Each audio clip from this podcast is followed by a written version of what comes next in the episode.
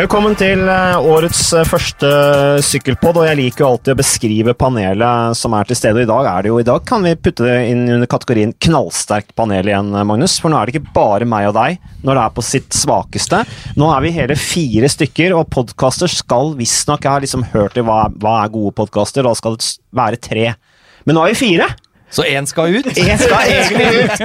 Eh, Ridder Kaggestad, takk for at du tok turen fra, fra Vikersund. Du har vært på en eh, debatt tidligere på Nyhetskanalen, så du tok turen opp hit til Sykkelpodden også. Og Christian Petter Påske, Takk. som har vært på fjellet og er i storform etter juleferien. Det er ikke det sant?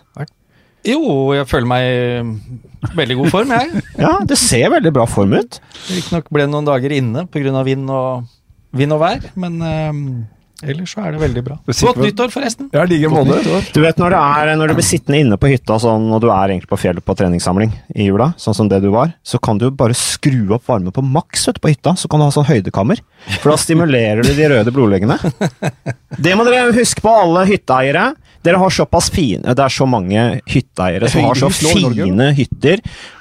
Skru opp varmen, få opp temperaturen, da stimulerer de røde blodleggene også. Så det er dagens eh, tips. Men eh, vi skal snakke sykkel. Vi kan jo først bare eh, Har det vært en bra overgang til det nye året, alle sammen? Ja, jeg syns det har vært sånn på det jevne, egentlig. Ja. Det sier sikkert fortsatt 2019, noen dager til, før man skjønner at det er 2020. Jeg syns det er litt under det jevne. En sånn Fikk du de julepresangene du skulle ha? Nei, dårlige julegaver. Så har jeg sånn spysyke rett før jul her. Så er det en ny uh, sykdomsperiode nyttår. Og så, så jeg giver liksom løs på 2020 med masse Du ser energi så og, jævlig og tynn ut. iver. Ja, Omgangssjuke, eller? Omgangssjuke. Det er bra, da går du ned i vekt. da. Men her sitter vi i et lite rom. For Jeg tror jeg er ferdig med det. dårlig, Jeg tror jeg er ferdig med det. Nei, jeg, følte at, jeg følte at inngangen til nyåret har vært ålreit. Det er bare holke og is der oppe hvor jeg bor på Vikersund. Det går ikke an å gå ut engang.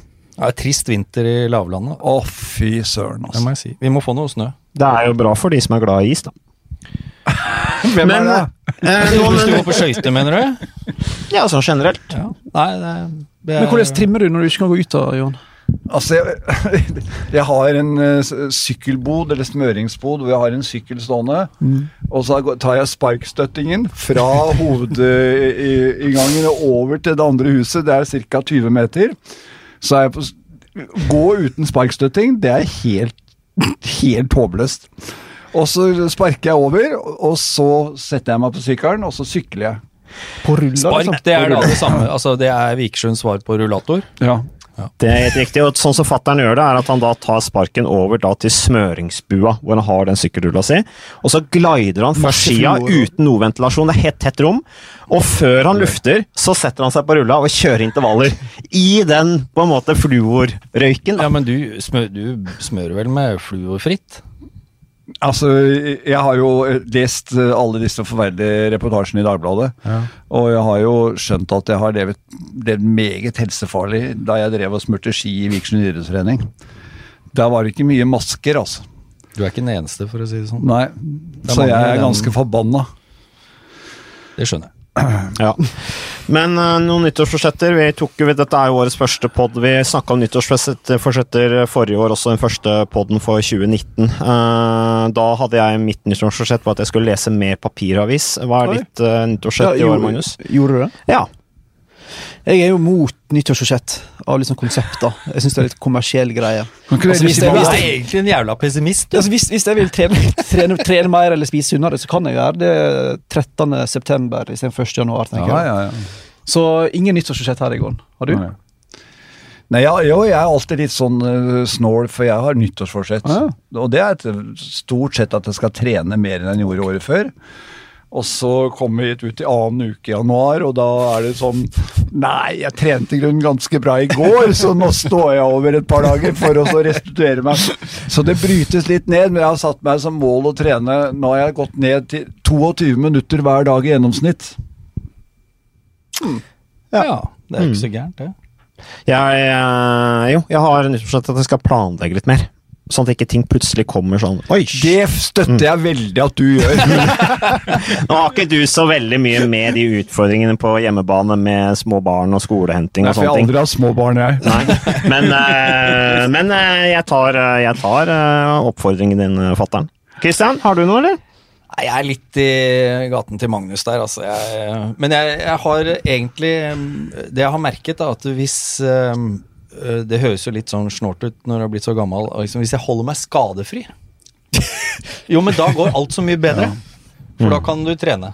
Uh, de gangene du gidder, i hvert fall. Uh, og, så det er egentlig unngå unødvendige strekkskader i beina. Har du mange av deg, eller? Nei, men det fikk jeg nå før i november. Så fikk jeg en strekkskade i leggen som eh, Du blir altså så handikappa. Eh, og kan nesten ikke gjøre noe. Jeg snart på da rullator, du også. Ja, eller spark. Alt ettersom hvordan været og føreforhold er. Så eh, det er egentlig målet. Eh, å prøve å unngå klønete skader. Ifølge mine barn så kommer jeg alltid hjem etter trening med en skade. Men Kristian, skaden er jo på en måte et resultat av noe. Det er jo noe du må velge vekk for å ikke bli skada. Du er en akrobat. Jeg har jo sett hvordan du kasta utfor klipper. Du elsker jo egentlig halsbrekkende øvelser. Klipper, nå er Så, så det, er, så det du sier, Kristian, er at du ikke skal være akrobat i 2020 Nei, på det, samme måte? det er absolutt ikke det jeg sier. Altså, livskvaliteten skal opprettholdes. og, og gøyen Uh, og man skal være, Jeg skal være like barnslig, men uh, jeg må bare gjøre det litt smartere. Sånn at jeg ikke Så vi får 35 Smartere barnslig, stories fra Ja, bading. Ja. Vi får det i 2020 òg. Skal En haug med stories med jeg skal, forskjellige jeg skal bade i 2020 år. Ja. Ja, ja. Nei, men det er greit. Da har vi tatt det. Men da er vi klare. Ikke. La oss snakke sykkel. Uh, hva ser vi frem til i 2020? Ja, hvis jeg skal begynne, mye faktisk. Det er jo en øh, For det første har jo, er jo kalenderen omtrent som tidligere, så det blir masse spennende sykkelritt. Og så har vi jo en stadig større gruppe av norske gode utøvere som skal levere, og vi har jo for første gang et norsk eh, profesjonelt lag på nest øverste nivå, Uno X Development Team, som nå om noen få uker skal debutere i Colombia og i Algarve. Det er ganske flott, så vi har mye å se frem til. Og så er det jo da mm, Tour de France, det er eh, Spania rundt, det er Giro d'Italia, det er olympiske leker, det er Paris-Roubais, det er Flandern rundt, det er you name it. Det eneste det ikke er, er Tour de Norway. Dessverre. Ja, det, det har vi jo tatt noen runder om her på Sykkelpodden allerede, så jeg tror vi lar den eh, ligge. Eh, det er eh, en realitet. Um, du, Er det noen som har noe å legge til der? Du tok jo det meste ganske bra oppsummert der, uh, fatter'n. Det er jo litt sånn med, med sykkel at uh, altså hvis du velger deg liksom bare ett event, da, eller et ritt eller du ser frem til, så har du det jo sånn passe kjedelig i før og etter, holdt jeg på å si. Jo, men det skjer jo noe hele tiden, ikke sant. Nå begynner det så smått nå i, i januar. Eh, ikke så smått heller, egentlig. Eh, og så Og da er det jo veldig spennende. De norske som skal i gang, eh, har de tatt et skritt framover? Har de, står de på stedet hvil? Har de tatt eh, bakover? Det er jo noen som eh, på en måte skal inn på den store scenen. Eh, Tobias Foss, eksempel. Eh, utrolig spennende å skulle følge han i år. Eh, Sondre Holst Enger, eh, får han skikk på karrieren sin? Eh, eller er dette liksom siste, siste reis? Eh, jeg syns det er, eh, er veldig spennende. Og så er det våre to hærførere i Edvald Boasson Hagen og Alexander Kristoff som jeg håper eh, bringer oss litt eh, nærmere mandelen i, i grøten. Eh, det, har ikke, det har jo ikke vært noen krisesesonger egentlig, men så er vi litt godt vant. Sånn at eh, når vi ikke vinner en av de store, store klassikerne eller et par etapper i Tour de France eller tar medalje i VM eller noe sånt, så, så føler man kanskje at eh, det ikke har vært eh, det største, største året, da. 2019 ble jo litt, litt sånn midt på treet, egentlig. Egentlig. Jeg gleder meg veldig til giroen her, da. Når du både får Alexander Kristoff, Kristoffer Halvorsen og Carl Fredrik Hagen. Det tror jeg blir dødskult. Giroen er jo et Til tross for at vi ikke viser det på TV. Uh, I TV2, altså. Du kan jo se det på TV. Uh, det er mulig. Så det er et utrolig kult ritt. Uh, og så støtter jo egentlig vurderingen til nesten alle gutta. Altså Det kan vi sikkert snakke mer om, om Kristoff hans sesongplan er jo litt annerledes. Noen vil jo ha Carl Fredrik Hagen til Tour de France, eh, Tor Hushovd blant annet, som ville ha han dit istedenfor til Giro. Men jeg støtter egentlig de vurderingene, og så har jeg trua på at Doffen Apropos det å ta steget Mm. opp. Det er jo en del av disse rytterne som må altså, Daniel Hoelgaard, eh, Odd Christian Eiking Mm. eh, Spesielt Doffen, med et ganske godt spurtlag rundt seg, tror jeg kan bli ganske bra i et litt mindre lag. Litt mindre strikslag. Eh, litt ja, litt dårligere lag, der det er mulig å kunne faktisk kjøre for egne muligheter. Så Doffen i Giron, det tror jeg kan bli kult. Det er, eh, han er avhengig av å få hjelp, og han er avhengig av at han blir tatt hensyn til. For eh, vi har jo hatt eh, folk i tilnærmet samme laget før, med Kristoffer Skjerping. Han ble jo en sånn ensom ulv i det laget, og eh, hadde jo ikke utvikling i det hele tatt. Kom fra en bronsemedalje i U23-VM, og fikk ikke den utviklingen han skulle hatt. Men eh, det er, det er mange, mange forhold som spiller inn. Eh, en som ikke har nevnt, Kristian ramset opp til noen av de viktigste, men en som jeg har veldig sans for, det er Andreas Leknessund. Han jo, blir jo kjempespennende å følge. Han kan jo faktisk overta den rollen som Tobias Foss hadde i Tour de l'Avenir i siste år, da han vant. Han kan godt vinne Tour de l'Avenir neste år. Uh, bare han holder seg Eller i år. Ja, jeg mener i år 2020. Ja, det var det jeg sa. Ja. Glemmer Neste år er når Tour Down Under er eh, altså, i gang. 2020 er i gang. Det, Nei, men det, er jo ikke det riktig som Kristian sier, men, men det, han, er, eh, han er en kjempetype. Men har holdt seg unna disse her hullene ned fra Ringkollen, ned mot Sundvolden. Han gikk jo på trynet der og ødela seg i ganske mange måneder. Men han er en type, altså. Og, han- og han har jo allerede kontrakt med Sandweb, men skal ikke kjøre for Sandweb før i 2021. Det er neste år! Det er neste år. Ja, eh, sånn, det blir spennende å se, helt enig. Eh, Og, og hele sesongen er en sånn dynamisk prosess hvor eh, man følger utviklingen fra det ene rittet til det andre. Og det, alle disse, er som et sykkelhjul. Ja, det er det. Det går rundt. Det går rundt. Så det blir kjempespennende. Det er, jeg har heller ikke noe sånn ett ritt. Du var litt inne på dette her med, med Carl Fredrik Hagen og Giro i Italia, Magnus. Uh, og så nevnte du Tor Husson. Er jo ikke Tor her til å forsvare seg, uh, men Tor uttalte jo det at Carl Fredrik burde prioritere Tour de France, og så ta OL litt som det kommer. Uh, hva tenker dere Men husker Christian, når vi kommenterte Spania rundt, så husker jeg vi snakka om det. Da sa jeg, jeg tror det var på siste etappen eller på slutten av Spania, så sa jeg hvis jeg hadde vært Carl Fredrik Hagen, ville jeg kjørt giroen og Spania rundt neste år. For å rendyrke den der etapperittprofilen hans, og få en friere rolle i de to rittene, og få flere etapperitt. Nå når han er relativt tidlig i karrieren, men allikevel er moden nok til å kunne gjøre det. Jeg vet ikke om du husker det, men eh, jeg sa i hvert fall det. Jo, jeg, jeg tolket jo det som en sånn naturlig utvikling, altså som vi har sett veldig mange eh, etapperyttere som går for Grand Tours etter hvert. da. At de begynner liksom med én, og så begynner de med to, og da begynner de med Giro d'Italia og Bueltaen året etter. Altså for å bygge en enda større base, da. Eh, så, så jeg tenkte liksom at det var naturlig. Og så tror jeg jo altså det er jo, eh, Jeg skjønner jo hvorfor Thor Husodd sier det. Det er jo sånn bra populistisk uh, mening å komme med. Jo, ikke sant, det er den største scenen. Eh, samtidig så føler jeg jo at hvis det er noen som har kontroll på eh, karrieren sin per nå, så er det jo Carl Fredrik Hagen. Altså på meg, Jeg opplever det som at han har stålkontroll.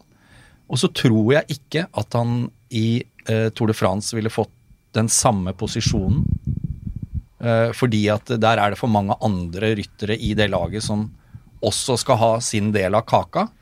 Eh, så å bli rendyrket da som deres pri 1-rytter i Giron og Bueltaen, tror jeg er kjempesmart. Og så er OL Det er den sjansen han får, tror jeg, med den løypa. Jeg, jeg er redd han måtte sitte og taue altså, i Tour de France for uh, Caleb Og jeg tenker jo at det er såpass enkelt som at du har Tour de France hvert år og OL hvert fjerde år. Enkelt og greit. Om Ja. OL for en gangs skyld passer deg, go for it. Eh, det, det er fornuftig, det. Uh, jeg tror også at uh, man skal ta hensyn til at det kjøres mye tøffere i Tour de France enn det kjøres i Giro d'Italia og Spania rundt. Uh, så det er et nivå opp når du kommer til Tour de France, sammenlignet med f.eks.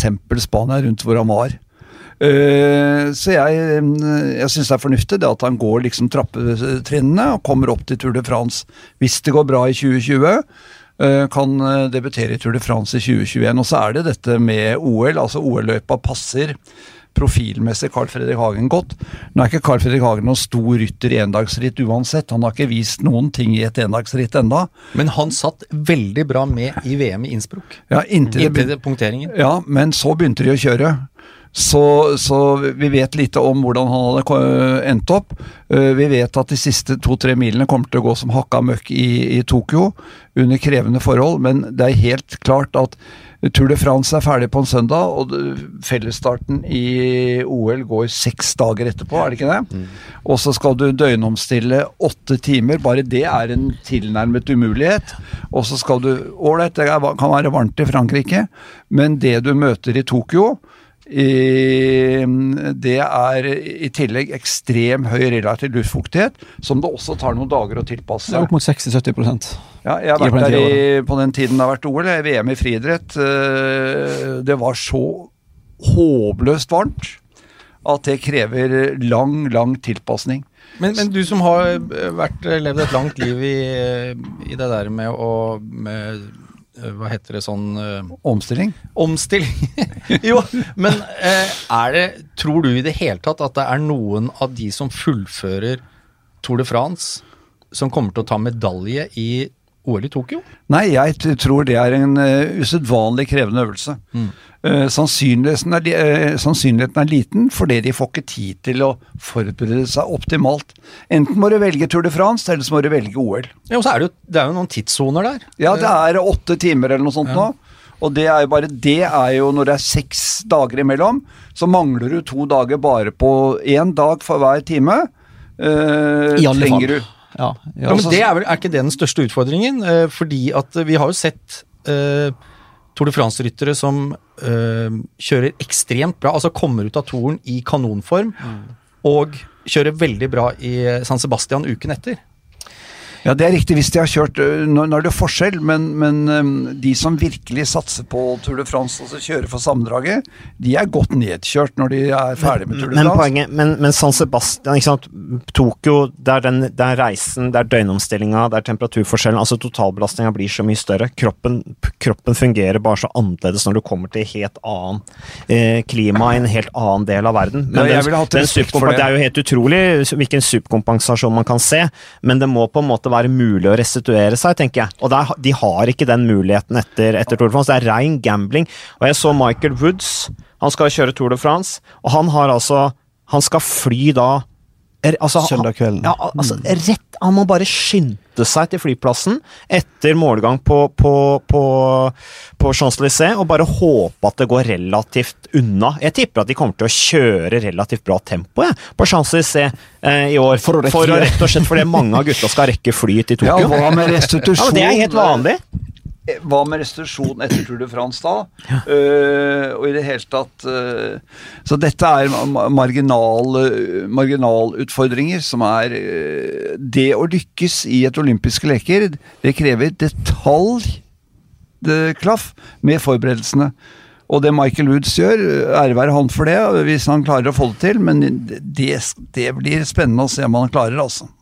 Det som slår meg litt når vi snakker om OL-greiene, er jo at både i Norge og internasjonalt så virker det som det er veldig stor usikkerhet hva skal til for å kunne prestere ei uke etterpå. Og Det, det syns jeg er litt påfallende. Som du har vært inne på, Johan, så har det jo du har hatt mesterskap langt borte i Asia og i Sør-Amerika og Nord-Amerika for den saks skyld i, i 50-60 år allerede. Ja. Men snakker du med Du ser en Valverde som sier jeg skal sykle Tour de France, men jeg skal stå av litt tidlig. For jeg trenger de dagene ekstra. Så det er Michael Woods du nevner, og flere andre sier at i og med at det bare er et endagsritt, så kan det gå veldig fint. For jeg skal ikke prestere over lang tid, det er bare seks timer. Så om jeg ikke får de åtte, ni, ti, helst tolv, som jeg Olympiatoppen anbefaler, eh, dagene i forkant, så kan det gå fint hvis jeg bare treffer på formen. Men det hjelper lite den beina står rett ut når du står på startrekken, og du fullstendig mangler energi, og du har vondt i at huet og I det hele tatt. virker som det er ganske sånn merkelig usikkerhet med hva som skal til, og det er så mange ryttere som mener mulighet, og veldig mange som kommer der i litt sånn eh, en form som er veldig usikker. Jeg tror det blir et eh, utrolig sånn kult ritt, egentlig. For det blir veldig uforutsigbart. Og jeg tror mange kommer til å sprekke veldig tidlig. Noen kommer til å ha gullbein. Så jeg tror, hvis Karl Fredrik Hagen forbereder seg riktig, så er det alle muligheter til å hevde seg, tenker jeg. altså. I og med at nok, mange av de Tour de France kommer til å bomme. Det er jeg overbevist om. Om det er Dumoulin, eller om det er Fo, eh, ikke Folesang, men Valverde, eller om det er Miguel Ángel Lopez som skal fullføre og som skal sykle OL. Altså, mange kommer til å bomme, da. Så det blir eh, spennende. Jeg, jeg har inntrykk av at Norge Jeg skal ikke si bedre, men er relativt godt forberedt på hva som venter. da. Det virker som de har faktisk gjort en del, vært til stede flere år før nå. Det virker som de har gjort en del um, eh, god forskning, uh, og veit hva skal til. Både når det gjelder ja, triatlongjengen og friidrettsgjengen og sykkelgjengen. Det virker som de har ganske sånn vitenskapelig tilnærming til det. Så det virker som de er godt forberedt. Ja, Og kanskje Carl Fredrik litt- trener litt i varmekammeret oppe på Olympiatoppen. Han driver og og forbereder seg nå Ja, forberedt, sant? Bruker kanskje da UAE-toer som en slags eh, Nei, jeg har vært som, eh, såpass mange ganger uh, både i ytterste vest i USA og i Asia på konkurranser, og jeg har kjemperespekt for Mm. det, detaljplanleggingen der. Skal du lykkes der, så vil ikke jeg tatt noen sjanser. Jeg ville fulgt boka. Og det er jo det de norske utøverne er anbefalt å gjøre, da. Apropos, eh, du var litt inne på Eva Baasen Hagen, uh, fattern. Eh, Du var jo veldig inspirert etter nyttårsaften. Og da satte du deg ned, og så skrev du en, eh, en to sitert, som vi kaller det, i TV 2, om at ditt største nyttårsønske for 2020, det var å ha Edvard Boasen Hagen tilbake i form. Eh, og det ble lagt merke til. Jeg fikk faktisk en tekstmelding fra Edvald for noen dager siden, og jeg skulle hilse til deg eh, og si at eh, jeg Eh, jeg vil og jeg skal, skrev han i 2020. Eh, så Og du ble jo litt kritisert, uh, Ja, og det, er- jeg skulle, apropos hilsen. Johan får stadig hilsen fra Eidvold. og den ene og den andre, ettersom han har uttalt seg om. Så det er jo helt herlig. Ja, for forrige gang Han fikk følger hilse, så var det Så var han jo litt ikke sant, Det var rett etter morgen, han var sliten, og han ble utfordra litt da av, av, av, av deg. Eh, og, og han har jo en stor fanskare også, så folk blir liksom fornærma på hans vegne. Men viser ikke dette her egentlig bare hvor stor kjærlighet du har til Edvard Baasen Hagen som sykkelrytter? Jo. Eh, han er et eh, For det første har jeg veldig sans for bakgrunnen hans. Eh, den allsidigheten som han har gått inn i toppidretten med. Eh, han er en fantastisk idrettsutøver, og han har et eh, klokt idrettshode. Og så liker jeg typen. Eh, og så har jeg ment at eh, han har ikke de siste årene fått ut potensialet sitt. Og da er det jo og Jeg tror han fremdeles kan prestere. Han er ikke eldre enn at han kan komme tilbake på et høyt nivå. Og da må han gjøre akkurat de rette tingene. Altså har han jo hatt helseutfordringer som har bremset han litt, men det er ikke noe, det er ikke noe umulig for han å komme tilbake igjen på høyt nivå. Men det er en del ting som uh, må på plass. Blant annet tror jeg han har en lavere uh, anarob terskelverdi enn han hadde på sitt aller beste i 2012 og sesongene rundt da. Men det går an å trene opp. Ja, vi satser på det. Han har nok opplagt det. altså Han har sett stiv ut. Ser ut som han har gått fort i rød sone på de ritta vi har kommentert, særlig i Spania rundt. Så det ut som han sleit av det. er vondt han, rett og slett. Eh, Så vi håper at han finner ut av det. Eh, Han har jo, som du sier, vært mye sjuk og skada. Nå er han nede i Grimstad og sykler, tror jeg. Eh, Gode sykkelforhold der. Så det blir, det blir spennende å se. Er det noe som har noe å legge til der om Edvald? Litt sånn skjebnesesong, syns jeg. Altså med tanke på å, å bli nevnt på ID-skalaen. Nei, mer sånn blant favoritter. Altså nå har han de siste årene så har han liksom alltid blitt Og så må vi aldri avskrive Edvald Boasson Hagen altså når det kommer til endagsklassikere og, og etapper i, i, i ritt som passer han. Eh, jeg tror liksom at han er, han er litt på vei ut av den derre eh, stjernesonen, da. Eh, så, men det er jo som Johan sier, det er veldig fort å komme tilbake dit. Så er det kontraktsåret i tillegg. Så må jo hvor han sykler i 2021. Jeg mener, ja, gå ut ifra. Han har vel kontrakt ut 2020. Han har kontrakt ut 2020, Med det som heter ja. NTT Pro Cycling i år. Mm. Med blå og svarte drakter. Og det har gjort masse forandringer i det laget og i tillegg, da. Så det blir spennende å se hva slags Om laget endrer litt Igjen endrer de store ja, deler om av de endrer litt profil, eller om de fortsetter litt med den der um, 10-12 ganske gode ryttere, men ingen åpenbare kapteiner, og alle får kjøre litt sånn som de vil. Eller om de reindyrker litt mer uh, enkeltryttere. Men uh, ny drakt iallfall. Og det var jo et steg opp, vil jeg påstå. Ja, det var fine. Blå. Ja, synes det, Men, synes det var bra. Med fin, behagelig farve, så vi får håpe at det stimulerer litt ekstra for Edvard, som skal starte sesongen med Grand Prix eh, La Marseillaise. Og når vi snakker om NTT, så må vi jo sende eh, varme og mange tanker til lagkompis Nick Dlamini, som sikkert mange så i Ja, ja, ja. romjula. Har dere sett noe så gale? Nei, helt vilt. Nei, det er, jeg trodde jo først at dette her bare var eh, tull, men det så helt jævlig ut. Jeg, tror jeg, jeg, jeg gjorde litt research før jeg turte å retweete den der originale beskjeden, for det så ut som det var en slags spøk, eller uh, Vi snakker altså da, for de som ikke har sett det, om Nick Lamini, som er veldig lovende afrikansk rytter, som ble Han sykla i området rundt Table Mountain, det der berømte flate fjellet som ligger oppe for Cape Town, der han da altså blir stoppa, og så Du hører jo knekkelyden han knekker da ja, Overarmsbeinet blir vel det, da. Og det er et bein som ikke er så lett å knekke heller, så da det er ikke tynneste beinet du har på deg i kroppen. altså. Så da tar du ganske hardt i. Sjokkerende video. De dreit seg jo litt ut, da, disse her eh, parkvokterne. Ja, De tok en litt sånn IOC-tilnærming. litt sånn, Nei, Han, han skada seg sjøl. Ja. Hva var, hva var deres forsvar? At han kom i skade, kom i skade for å skade seg sjøl. Litt sånn merkelig Han skadet seg selv ved at en tok jævlig Ja. hardt inn. ja. vi, har, vi har videobevis, men det var han som skada seg sjøl når, du- når det blir filma at det er vi som skader han. Det er litt sånn merkelig eh, måte Det var en veldig god bortforklaring, men uh, vi, den gikk ikke hjem hos oss. Nei, det er jo helt forferdelig at, uh, at sånt kan skje. Det er det, og ikke minst så dreit de seg ut, som jeg sa. Dette her kom jo på film, og det ble jo retwitta x antall ganger, og det nådde jo helt opp til toppen i politikken i Sør-Afrika, så det spørs om jobbene til disse gutta uh, varer i, i 2020. Så vi får håpe at Vet du hva, eh, Det er jeg folk lite interessert i om de gutta har jobb i 2020. Det jeg håper de ikke har jobb. Nei, det var ikke, ikke bra det der i det hele tatt. Ellers eh, litt annet nyheter eh, angående Tour de France osv. Uh, Men er vi ferdig med Edvald nå? Altså, vi kan godt legge til litt hvis du har noe du vil si. Nei, jeg bare Jeg føler at det er så lite som skal til før han tar steget opp igjen der han var. Mm. Og kanskje øh, det er hans tur i Paris-Roubais. Det er ikke mange årene siden han satt i finalen med fire andre og slapp akkurat like før de kjørte inn på velodromen. Og så er det sannsynligvis vår Norges sterkeste kort i Tour de France kommende år, så vi er nødt til å heie mye på Edvald. Kanskje det eneste kortet vårt i Tour de France. Ja, det kan det dukke, dukke opp andre nordmenn som Ja, får plass. Bystrøm og det andre Men øh, han blir helt klart uh, vårt sterkeste kort i Tour de France. Og talentet er der. Uh, det er det ikke noe å si på, så han må bare få kommet, uh, finne ut hvordan han skal gjøre det på trening. Og så ikke minst dette med at disse helseproblemene forhåpentligvis er en, eh, Ja, så tror jeg det er viktig for Edvald å føle at han har oss fire bak seg. Ja, det tror jeg hjelper. Så vi er enige om det, Edvald. Vi er veldig glad i deg. Vi unner deg alt godt, uh, og vi heier på deg i, i 2020. Det blir en veldig spennende sesong, og er som sagt i gang fra 2. februar da, med dette endagsrittet Grand Prix Marseilles i Frankrike. Ellers eh, flere som sliter med formen.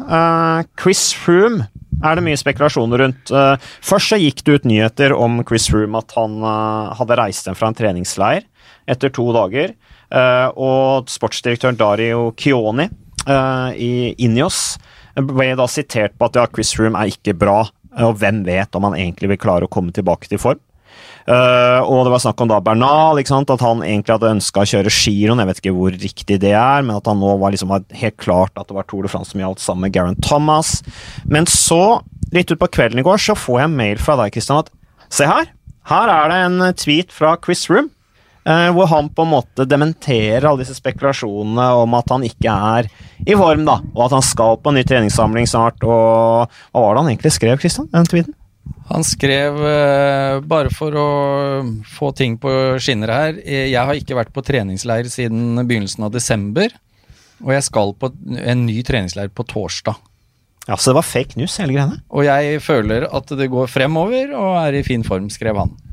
Så han Keone han har altså sett uh, spøkelset på jo annet med Det er sitatet til ikke overalt stemte. nå. da. Det var jo, Jeg, ja. jeg stussa jo over at uh, når i himmelens navn fikk Dario Keone uh, på en måte fritt uh, leide til å kommentere Han- tilstanden til Chris Han har vi ofte prøvd å få i tale i forskjellige ritt, og han sa nesten alltid med at jeg er ikke den beste å prate med om sånne ting, jeg driver egentlig bare med trening, så dere må snakke med Brailsford eller Ellingworth. Så når han da plutselig angivelig sier Chris Froome som jakter ei femte gul trøye i Tour de France, det var han studert på, eh, er ikke i så bra form, og hvem veit om han vil komme tilbake? Det var jo helt absurd. Altså, det er jo sånn noen som har misforstått Eller oppdikta opp, rett og slett. Jeg tipper Ingen at han sånn. Så det er liksom, irettesatt. Eh, Det er bare sånn min teori her, da. At han har eh, snakket litt for høyt. Og så har italienske journalister vridd litt på det, kanskje. Ja, ja, en smule, kanskje. Og, Det skjer og det, i media, Vi det. så også, fordi når Chris Froome la ut den uh, Twitter-meldingen i går, så gikk jeg inn på Instagram-kontoen hans for å se om det var noe der. Og han hadde gjort det samme der, da. Uh, lagt ut et bilde bl.a. fra Côte d'Azur. Det blir jo da Monaco, regner jeg med. Uh, og for tre dager siden, eller tre og en halv dag blir det nå, da, for dette var seint i går kveld, så la han ut et bilde hvor han var ute og trente. Eh, Så da skal han jo ifølge Dario Chioni eller italienske journalister ha reist dagen etter til Spania for å så reise hjem igjen med en gang. Så her er det et eller annet uh... Men gutter, vi, jeg, det, jeg syns støtter forklaringen til Christian. Det, høres utrolig ut at Kioni skal uttale seg om eh, Frooms helse, det strikte hierarkiet som er i, i oss. Men vi har jo en fysioterapeut på laget, i Christian. Jeg Du kan foreslår at vi, vi sender en søknad til vår eh, sjef og får en liten reisekasse. Og så sender vi Christian ned til Monaco på en studietur og studerer legemet til Chris Froome. Og se hvor er han hen i denne rehabiliteringsfasen Du kan jo sin. stå litt i busken og jakte. Men, men kan Jeg drar gjerne en tur langs, Ja, det, er, det er fin jobb, da. langs Middelhavet, jeg. vi må jo få vite altså, han, ble, han var jo voldsomt skadet. Ja, han, eh, ble, han var kvestet, rett og slett. Ja. Men kan vi ikke bare bruke undercover-mannen vi har der nede, da, Tor Hushovd, som jo sniker seg med på treningstur med disse gutta innimellom? Det er en god idé. Det er Ja. en god idé. Ja, så, eh, så jeg tror vi heller vi kan gjøre det. Altså, jeg unner deg en tur til, til d'Azur, Christian. Det Nei, det er bedre å bruke Men, er litt sånn sneaky måte å finne ut på. Bruke Tor Hushovd. Men Johan, eh, Ja, vi bør gjøre det. en ting er at han har disse skadene sine. Og så nevner jo veldig mange at ja, han blir 35 i år. Ja. Hvor, hvor, vikt, hvor mye spiller alderen inn i en sånn, altså en sånn rekonvalesensprosess? Har noe å si om du er 28 eller 34? Ja, det tror jeg det har i aller ja, ja, høyeste grad. det. har mye å si. Øh, Jeg har vært skeptisk helt inn etter at jeg fikk vite omfanget av den skaden hans, om han i det hele tatt ville komme tilbake igjen. Øh, Du skal jo ha 100 førlighet i, i muskulatur. Leddene skal fungere. Det nytter ikke å stille sånn halvveis funksjonshemmet til Tour de France, altså. Det, Det, det som er fordelen med, med sykkel, da, eh, på en måte, eh, kontra en del andre idretter Altså La oss sammenligne med eh, alpint og, og Aksel Lund Svindal. Altså Når han ble så stygt skadet den gangen Nå var han litt yngre. Men det er jo en mye mer eh, Altså en idrett eh, utfor, f.eks., er mye større belastning på kroppen.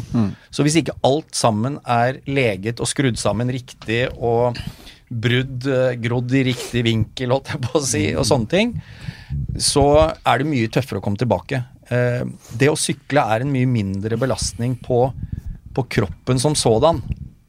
Hvis vi ser bort fra Systemet. systemet ellers, da. Altså det er, du har ikke slag, og du har ikke um, fysisk eh, på en måte Nei. um, belastning på, på kroppen på samme måte, da. Nei, og så er du det jo ikke ti hundredeler sånn som det er i alpint, ikke sant. Nei. Så hvis ikke kroppen er 100 Nei, skrudd men sammen, da, så er, er du et sekund bak min gang. Eh, og det, det du sier også er riktig. Men så er det jo dette at um, det skal tross alt um, hvis, hvis han ikke har den samme arbeidsøkonomien, det samme be bevegelsesmønsteret som han hadde tidligere, den samme automatikken i bevegelsene, så betyr det at han vil bruke muskler på en litt annen måte. Og det vil bety sannsynlighet at han går inn i rød sone på lavere um, andel av sin maksimale belastning enn han gjorde når han var uskadet. Utvilsomt. En, en annen ting er reaksjonsevnen. Altså hvis han er litt bakpå og litt på hæla i det hektiske feltet som er i Tour de France, med alle disse her bråbremsingene som skjer stadig vekk, de ligger i bakhjula på hverandre. Det er akkurat så de klarer å holde seg på hjula. Det kan, ikke sant? Og han blir sittende litt gærent plassert i feltet i sidevinden, og det veltes og det hele tatt. Du må være Chris Froome, som i utgangspunktet er litt skjør. Jeg føler at han må være 110% altså, for å lykkes igjen. Det har han jo vært veldig god på å være. Men hva tror vi, da? Tror vi han kommer tilbake på god gamle Nei, jeg tror, ikke, jeg tror ikke det, og jeg syns jeg ser et litt sånn signal, hvis jeg skal være litt konspiratorisk, i at øh, det er gått ut melding fra kong øh, Brailsford at øh, Bernal og Thomas skal være kapteiner i Tour de France. Det er jo selvfølgelig for det Det er det viktigste utstillingsvinduet, det viktigste merkevaren i sykkelsporten å vinne og lykkes i er Tour de France. Og øh, da vil han garantere at øh, han ville ha med sine to beste kanoner i Tour de France. Ja, har han sagt det? Ja, han har sagt det. Jeg trodde Garen Thomas skulle kjøre Giro d'Italia og OL. Nei, han skal kjøre Tour de France med Bernal, er den, øh, det jeg oppfattet i hvert fall. Jeg, jeg tror ikke det der er bestemt, det, altså. Uh, enda. Det ikke- Eh, jeg har på følelsen at Garen Thomas ønsker å komme tilbake og vinne Tour de France, etter hva jeg har hørt, i hvert fall. Men, eh, og jeg tror Garen Thomas kommer til å bli skarp i 2020, nå som han har liksom blitt edru igjen etter festen fra 2018. Uh, og var såpass bra som han egentlig var i Torlefrans. Det er ganske bra å bli nummer to litt sånn i bakrus, da. Ja, det- mener, det ble i- i han Tour jo. de France. Det ble han jo, så jeg har veldig trua på Geraint Thomas. han var altså. jævlig nær ved å vinne hele dritten. Ja, og, så, så jeg er spent på, på han. Uh, jeg, jeg er nesten Jeg er litt sånn at jeg tror kanskje at Chris Froome uh, faller litt igjennom, og at det ikke, jeg blir ikke overraska om han ikke kjører Tour de France. Jeg tror ikke Thomas ord betyr noe mye for han. Øh, Glem ikke at Thomas har, er to ganger olympisk mester allerede i banesykling. Nei, jo, men er, det er ikke det samme som å vinne landeveisrittet. Nei, men sannsynligheten Sånn- for at sånn han gjør det, er han er ganske blitt, liten. liten. Og han har aldri lykkes i noe endagsritt whatsoever. Apropos eh, spøkelser, jeg var litt inne på dette med Vi snakker litt om eh, hva er det som skjer rundt omkring, og har ah, Dario Kioni har han sett syner eh, og sånne ting? Eh, det er eh, mange som ser Injos-ryttere eh, ute og, og sykler og lurer på hvem de egentlig er. En av de er André Amador. Eh, og der er det en voldsom saga. Uh, Amador er jo egentlig Movistar-rytter. Har egentlig blitt enig, dette kan du alt om, uh, Magnus. Du er veldig god på søramerikanske sykkelryttere. Amador har egentlig en muntlig avtale, eller skrevet under en avtale med Movistar om at han skulle forlenge med de, men så har han da allikevel signert med Team Ineos. Så han har signert to steder. og nå, blir han, nå er han sett da ute og sykle på Pinarello-sykkel i Ineos-klær, hvis folk har sett riktig. Uh, og her tenker jeg er det han Aquadro med han der uh, agenten som Vet du om det er samme agent, eller? Det, det er samme agenten, så det er samme problemstillinga. Men utfordringa her virker jo til å være at UCI igjen har et regelverk som er vanskelig å forstå. For her er, jo, er det fjerde gangen i år vi ser at ryttere inngår sånne såkalte pre-avtaler, muntlige avtaler. Der du òg, sånn som jeg forstår det, signerer også du signerer òg en pre-avtale. Det er ikke bare at du sier på telefonen ja, jeg er med. Du, du signerer et dokument, og så signerer du kontrakter seinere. Det virker som det var litt samme situasjon som vi hadde med et annet Sam Bennett, tror jeg. Og vi har sett det tidligere i sykkelhistoria, involvert òg ja, en del andre ryttere, da. Eh, men jeg gikk inn på Jeg starta dagen med å gå inn på Carlos Verona sin Insta. Han sykler i Movistar. Og så han var ute med ti-tolv stykk i Girona og sykla. Og så ser jeg liksom, ja, et par kjente ryttere, et par litt sånn kontinentalryttere. Og så er det et interessant fjes der bak. Så Hvis du ser nøye, hvis du går inn på Carlos Verona sitt siste bilde, så ser du at det er en fyr som gjemmer hele seg, bortsett fra hodet. Og det er André Amador. som du ser, Han tatt av seg hjelmen, tatt av seg brillene, og står da identisk bak en fyr som ikke kan se hva slags klær han har på seg. Han har da åpenbart på seg da inni hos klær, siden han står der og gjemmer seg og stikker bare hodet fram, litt sånn som eh, hva heter det, Finn Willy. Du ser liksom bare hodet oppi eh, Så han eh, tror jeg eh, han har lyst bort. Unsue sa vel i et langt intervju her nylig at han, altså sjefen i Movistar, at han håper å beholde han, men at det er utenfor vår kontroll. Men at Amador enn så lenge er Movistar-rytter, og at han er proff nok hvis han blir værende til å eh, utføre sin jobb i Movistar, hvis han må det. Og jeg tror ut, Uten å overdrive så vil jeg jo kanskje si at Amador kanskje Det er ikke sikkert alle der hjemme kjenner til han. Han er kanskje feltets beste hjelperytter. I tre ukers ritt, det mener jeg. Med han er såpass allsidig både på når det gjelder tempo, han er til og med god brukbar på brostein.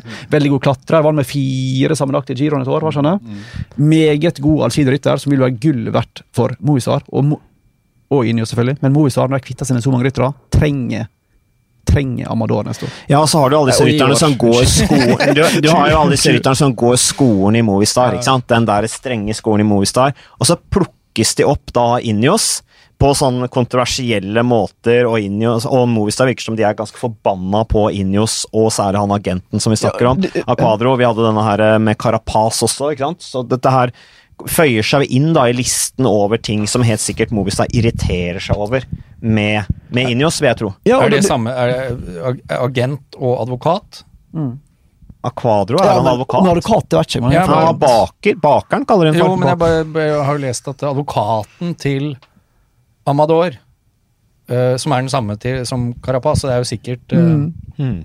agent slash advokat, har prøvd da, eh, eller prøvd da å, å megle mellom Movistar og Ineos, naturlig nok, for det er vel han det er vel han agenten eller advokaten som har på en måte vært med å, å signere dette her. Men det de må skjønne eh, i, i Sør-Amerika også, er jo at eh, du kan ikke skrive to kontrakter. Altså, Nei, skrive kontrakt med to forskjellige lag, det må de snart få med seg. Ja, det tror jeg de skal lære i hvis de skal ha et nyttårsforsett, da. Og så Søramerikanske er det jo sykkelryttere. eh, det der med Movistar trenger Amador, ja. Men de trenger ikke en Amador som egentlig har lyst til å sykle sammen med Carapaz i Ineos. Det- Så jeg tror at det der, der Uh, Han har jo selv sagt han trengte, trenger forandring. Det er derfor han har kløna det til. Han trenger mer penger, tror jeg han prøver å si. Jo, jo. Men, uh, det er også en del av forandringen. ikke sant? Men uh, så det der eh, Ineos eller Sky den gangen eh, løste jo alltid sånt med penger. Fordelen er, jeg tror jeg, at hvis Amador blir Jeg tror ikke han er på Jeg tror ikke han er Jeg tror han er på god talefot med alle som er der. Jeg, jeg tror det, det virker som det er såpass proffe at jeg skjønner at her er en konflikt mellom sjefen i Movistar og agenten, og at jeg skjønner at Akadro, Nei, um, Amador ikke går overens med Valverde eller liksom Henrik Mas. Men han var liksom litt av den innerste sirkelen både til Valverde og Quintana. Quintana sin innerste sirkel er borte. Den har gått til Arkea av en eller annen Ja, har i hvert fall skifta lag. Mm. Så han, eh, og det er så store forandringer på Movistar nå. De henter jo inn ryttere fra alle mulige land plutselig. eh, Og med en annen aldersprofil og helt annen type lag neste år. Så mm, Ja, De har jo nesten ikke resultater, noen av de. Jeg har gått gjennom unggutta deres. Jeg lurer på himmel og hav, hva er det de tenker på? De hadde jo ikke så mye resultater, de andre som har vært der, som nå er superhot. da. Så det, Nei, men noe det- riktig gjør de jo. Ja da, det er helt- Eller har gjort. Det er i hvert fall blitt utviklingslaget til Inios, Ja. Movistar. Og jeg så Unsu sa nå nettopp at han er helt uinteressert i å jobbe med Aquadro. Aquadro sier jeg jobber gjerne med det, jeg har lyst til å finne en løsning. Mens Unsue sier nei. Men Unsue er jo som jeg om før, han er av gamle skolen. Stolt. Eh, korrupt, kanskje, har vi hørt innom. Eh, men Aquadro er iallfall lysten på ei løsning. Det minner jo litt om den sånn Mino Raiola-situasjonen du ser i fotball. Apropos eh, ja, Haaland og den kjente superagenten til Pogba. Det at du begynner å få en situasjon i sykkelår da, at enkelte agenter er så kontroversielle at store lag nekter å jobbe med dem. Og det er jo litt sånn eh, uheldig utvikling. Men Men, nevnte kanskje nødvendig til mer, til mer med mer penger i sporten. Vi får se, men du nevnte en annen sak også. Det er jo, det er jo opplagt at Valverde styrer det meste i Movistar. Mm. Eh, Er du ikke venn med Valverde, så er du ikke på laget. Og Quintana falt jo i unåde, og nå er Quintana i et mindre lag. Han er i et ganske overraskende et fransk lag, Arkea Samsic. Det blir jo spennende å se hvordan dette går, med Varm Bargil bl.a. Et lag som de oppruster litt hvert år, men Og Nasser Bohani, så der har du tre gode team, Ja, team players. Nei, jeg har ikke noe trua på det, altså. Jeg må bare være helt ærlig og si det. Unnskyld sa nå at grunnen til at vi lot Kitana gå, var at vi har sett at han er ferdig. ja. Jeg tror det er dårlig unnskyldning for at jeg ikke klarte å få han til å bli, men uh, han mener jo det, da, at han er, hans tid er forbi. Men uh, vi ser jo blant noen av disse colombianske rytterne at de, de, eh, de kommer ganske raskt til toppen, og så, og så på en måte brenner de litt ut. Uh, og det er jo interessant. Litt som en del brasilianske fotballspillere òg har vært kjent for det. her. Ja. Gode to-tre år tidligere, og så Du har han unge Rosa også. Diego Rosa, ja. Diego, ja. Kan bli noe der, vet du, Ja. hvis de treffer litt med både det ene og det andre. som har vært helt, helt fraværende uh, i Team eh, Sky og Team Ineos, uh, Diego Rosa. Men uh, apropos eh, over til noe annet her. eh, flere syklister eh, er kåret da til årets idrettsmenn eh, ute i sine respektive oh, land ute på kontinentet. Vi har akkurat hatt idrettsgallaen her hjemme i Norge. Kan du nevne i fleng eh, Mathieu van der Poel, som nå sykler da et lag som eh, Det heter ikke Cordon Circus lenger, nå heter det Alpezin Phoenix. De har jo Det er de eh, som har det hårproduktet, ja, appelsin Doping for your hair. Uh, og um, Tenk deg han med brylkrem under hjelmen. Ja, det hadde jo vært uh, Mari Cipollini burde vært sponset av de. Uh, men uh, men de har jo for øvrig tre ganger høyere budsjett i 2020 enn det de hadde i 2019. Uh, ble jo kåret til årets idrettsmann i Nederland, Mathieu van der Poel. Og han sier jo også at er jo sitert på det at Oi, jeg trodde ikke jeg var mer populær enn van Dijk og Verstrappen. Eh, altså Virgil van Dijk som spiller i Liverpool, og så er det Verstrappen da som er belgisk ne eh, belgisk-nederlandsk Formel 1-sjåfør. Kjører for Red Bull. Eh, så eh, det er jo litt eh, artig. Årets utøver en slags årets pris Eller årets navnpris, dette her. Ja, årets, årets isutøver. Ja, okay. Ja, og så har du Ala Philip, kåret til årets isutøver i Frankrike. Eh, Remco Evenepool er kåret til årets isutøver i Belgia. Eh, men Der- hadde, der- bare for lov å legge til, det, der var det tre syklister, altså på én, to og tre. Hvem var de to andre, da? Det var han, han eh, Kampenertz ble Ja. nummer to, og så var det Wat van Ert ble nummer tre. Det forteller jo om uh, hvordan uh, hvor du, Altså ståa på sykkel i det landet. Det er jo et par gode fotballspillere der, så ja. sier litt. Ja, det er ganske heftig. det er jo ikke noen dårlige idrettsnasjoner, Nederland, Frankrike og Belgia. Nei, nei, store idrettsnasjoner. Men da blir- I går holdt jo på Kom på pallen i alpint òg, i Belgia. Ja, bare fjerdeplass han fikk. Ja, han fikk femte. Femte. Armand Chama, Ma Marchand. Foran Hokksund. Er det der Lukas Bråten kom fra? Ja. ja. Ja, der ser du. Det er mye bra idrettsutøvere oppi der. Uh, skulle du si noe, Magnus? Nei, for da var jo da spørsmålet som vi har fått fra uh, håper jeg, ikke seere, høyrere, er det det heter? Blant annet. Benjamin Bakke som spør da om Carl Fredrik Hagen burde vært nominert til årets gjennombrudd. Det har blitt diskutert en del i sosiale medier, men kanskje ikke så masse i sånne gode, gammeldagse medier. Ikke at podkast er gode, gammeldagse medier, men Johan Kagestad, du er ikke sånn sosial Nei, fordi du, Så skal, kom med ditt, kom med ditt du husker jo ikke passordet ditt på Twitter. Det går an tilbakestille sånne ting. Da, hvis Det er noe med Ja, men nå har vi gjort det, det er noe, noe, når vi har gjort det ti ganger, liksom, så gir du opp til slutt. Ja, hva skulle du si, fatter'n? Kom igjen, fyr løs. Nei, altså øhm, Magnus spurte meg om noe, det er det jeg skal svare på. Ja. Og øhm, jeg syns jo at øhm, det, er litt manglende forståelse av posisjonen til internasjonal sykkel. At Carl Fredrik Hagen ikke er nominert i kategorien Årets gjennombrudd for å bli nummer åtte i Spania rundt i første gang han kjører en treukerstur. Det er ganske formidabelt. Og sin første ordentlige proffsesong så er det en stor eh, idrettsprestasjon. Men det er en annen syklist òg som kunne vært nominert. Tobias Foss, eh, han vinner ganske overlegen Tour de l'Avenir. Eh, det er ikke noen grunn til at ikke han skal være nominert blant eh, våre mest lovende ungdommer. Årets gjennombrudd, f.eks. Eh, så han har jo levert på øverste hylle i ene rittet etter det andre, og var også i finalen i VM. Da det satt igjen sju mann, så var Tobias Foss en av de sju. Nei, jeg er helt enig. Eh, altså, Carl Fredrik Hagen er han har den beste samla plasseringen i en treukerstor noensinne i sitt første år som profesjonell syklist. Ja. Definitivt burde være nominert til eh, årets gjennombrudd. Eh, hvorfor blir ikke syklister nominert? Er det pga. at Sykkelforbundet har glemt å nominere de?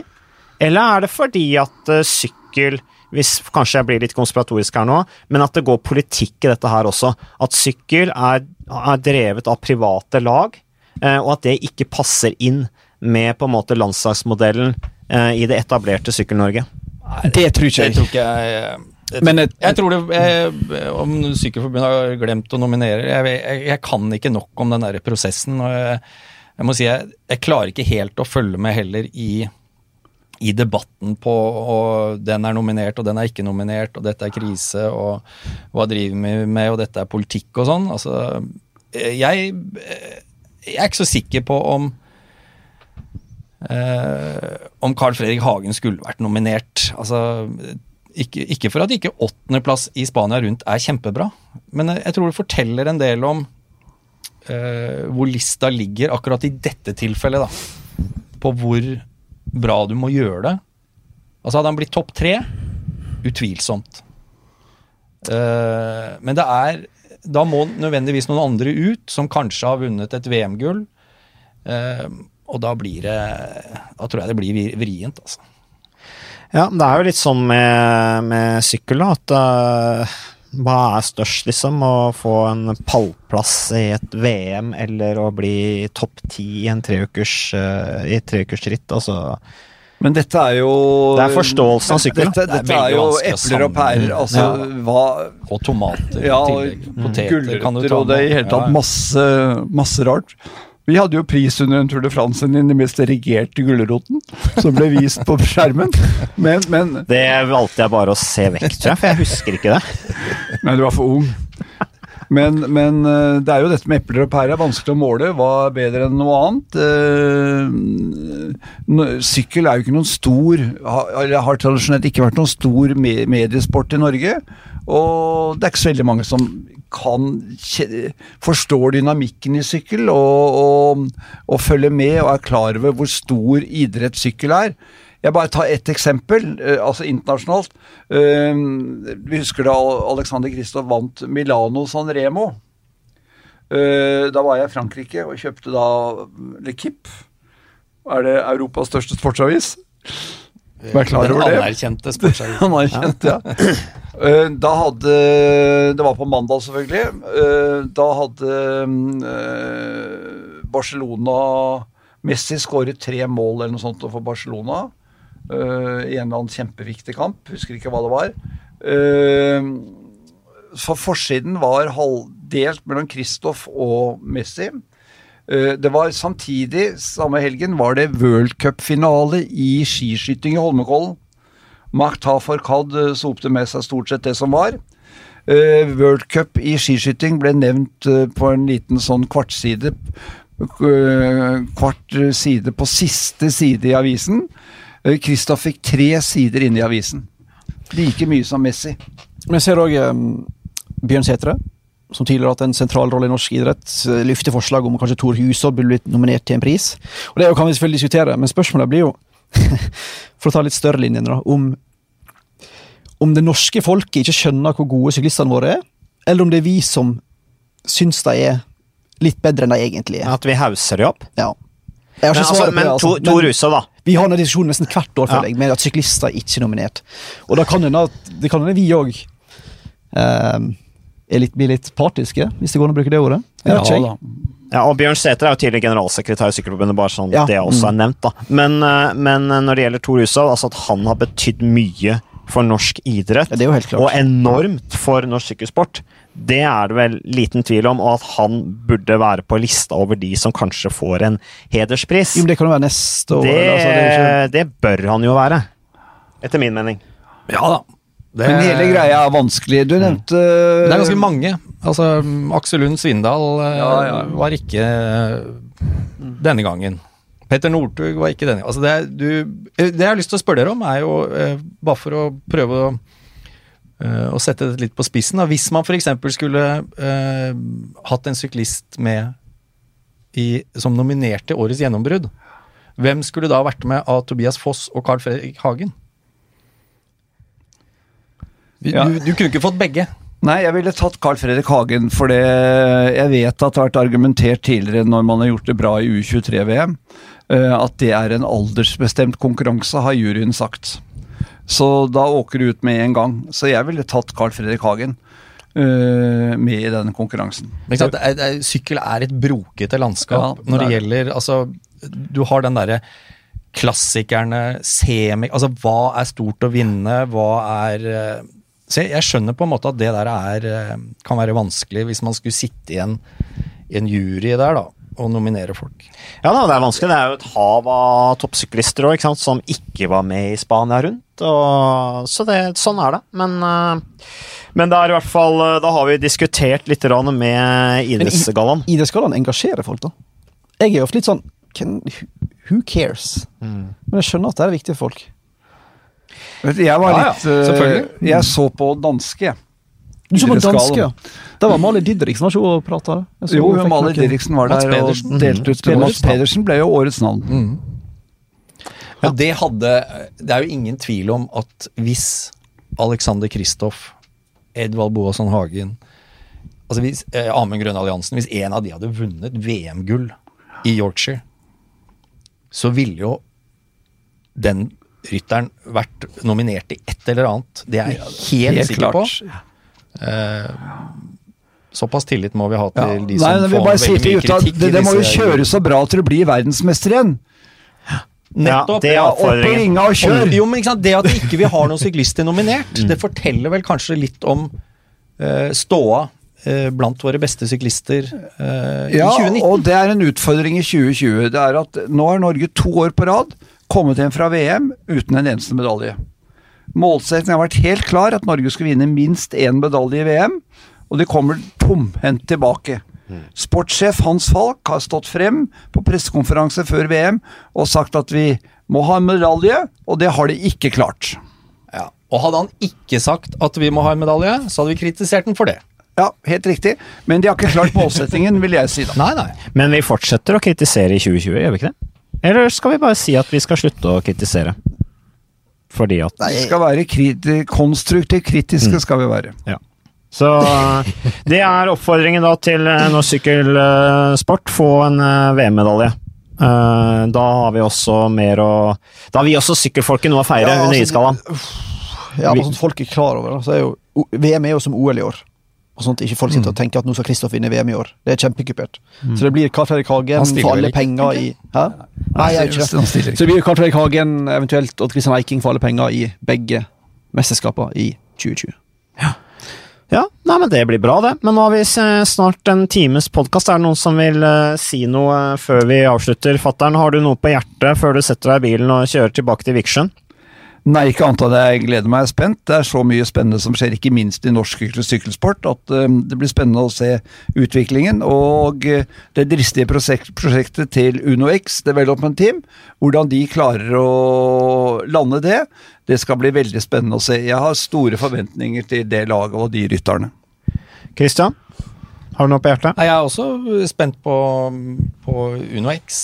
Eh, Jeg tror for folk flest her hjemme eh, i Norge som ikke liksom er uh, sykkelnerds, så, um, så er det fortsatt uh, på den store scenen uh, med Kristoff Edvald Boasson Hagen, eh, Amund Grøndal Jansen, Carl Fredrik Hagen, at det er de som på en måte som må sørge for at interessen holdes oppe og gjerne økes. Eh, med all respekt for UnoX, så, så tror jeg ikke det hjelper om de vinner liksom eh, Ungarn rundt eller et eller annet sånt. Eh, dessverre. Eh, til det er, er det for mye sykkel da, å følge med på. Så um, vi må vinne litt på den store scenen, hvor de største rytterne er, eh, og hvor oppmerksomheten er, er størst, for at eh, vi skal fortsatt på en måte ha stor sykkelinteresse. Marius, du, har, eh, du ser litt sliten ut nå. Er du Altså, Tung- tung start på dagen, dette. jeg jobba to dager, jobba torsdag og fredag forrige uke, så merka jeg at det var godt med helg. Blytung start på Ja, tung altså. start på året. Men jeg tror faktisk at eh, 2019 2020 heter det. Har du prøvd energidrikk? Jeg blir så dårlig i magen og sånt. Ja, det, ja. Ja. Men jeg tror faktisk 2020 blir et Oppskrytt. Altså. bedre sykkelår enn 2019. Det tror jeg òg. Men sett med norske øyne, da. Det tror jeg faktisk. Så jeg tror det blir kult. Jeg. Det blir i hvert fall veldig mye å følge med på. Og på TV 2 så sender vi jo sykkel hele året. Eh, neste nå, det er Vi har ikke nevnt kvinnene. Det er ikke Nei. sant å tenkte på det også. Vi Så har, det- eh, ja, vi har jo Francé de Jeu, vi har i Movistar altså det er Vi har Hightech, som fortsatt er på en måte motoren i norsk Og vi hadde fremgang i 2019 på kvinnesykling. Ja. Og jeg så nettopp nå at eh, Ringerike sykkelklubb skal starte med eget elitelag lag for kvinner. Ja. Og det fortjener applaus, for det, um, det trenger vi. De som ikke får plass på high-tech, eh, de må ha et tilbud. Og det har de annet fått der, og det er veldig bra. Så det er spennende satsing. Så øh, de blir, øh, det blir spennende å følge med på det også. Og så skal jeg bare si at øh, 19.1 så sender vi sykkelcross, og der er det jo både herrer og damer. Skulle, det er litt morsomt å se. Nå skal ikke vi ta en diskusjon her, men der er det faktisk det er bedre seertall på kvinnelig sykkelcross enn på mannlig sykkelcross. Høyere seertall. Så er Hos oss, eller i Nei, generelt i Europa så er det det. Ja. Uh, så 19. er det World Cup sykkelcross fra Nomai i, eh, i Frankrike. Og så er det Hogerheide da helgen etter 26. januar, i tillegg til World Cup bane fra Milton i Canada. Så det skjer mye på sykkelfronten hele året på TV 2. Da takker jeg for uh, følget, karer. Uh, apropos, det var jo et veldig ubalansert eh, gjeng her. Eh, ikke en kvinne i eh, panelet. Men eh, vi kommer sterkere tilbake, og så ønsker vi alle en eh, bra uke. Takk for oss.